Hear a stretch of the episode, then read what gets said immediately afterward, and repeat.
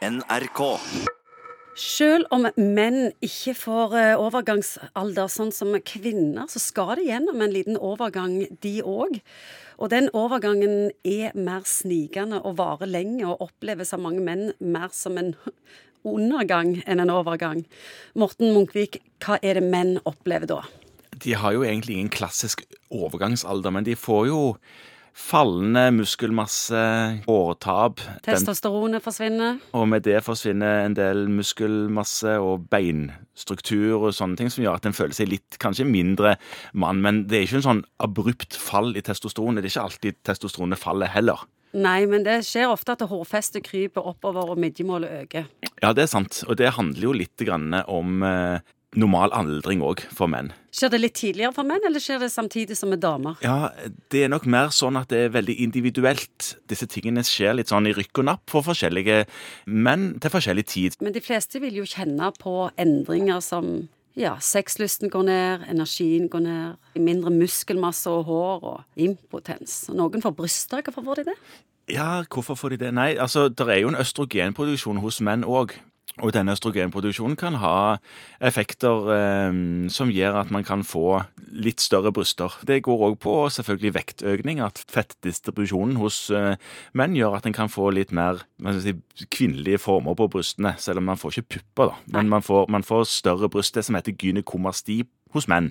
Men alle disse tingene som du nevner nå, med redusert sexlyst, og man er ikke så sterk som man var før, orker mindre og er litt trøtt og sliten, og alt sånn som det, det går jo på den mannlige på en måte selvfølelsen løs. Ja, Hvordan oppleves det? Det høres ikke ut som en lystreise. Nei, det er jo noe som flere menn sliter med. sant? De får problemer med å finne seg sjøl igjen. Og dette er jo det som er grunnen til at en mann plutselig havner ut med en Harley i eh, oppkjørselen, eller et nytt lydanlegg på hjemmekinoen sin, eller et eller annet annet som skal kompensere for at en liksom føler seg liksom ikke helt seg sjøl. Og dette er mannens måte å takle en depresjon på hos enkelte. Og noen får jo en nedstemthet som de kommer til lege med og snakker snakke om med legen. Hva kan de sjøl gjøre for å forsinke prosessen?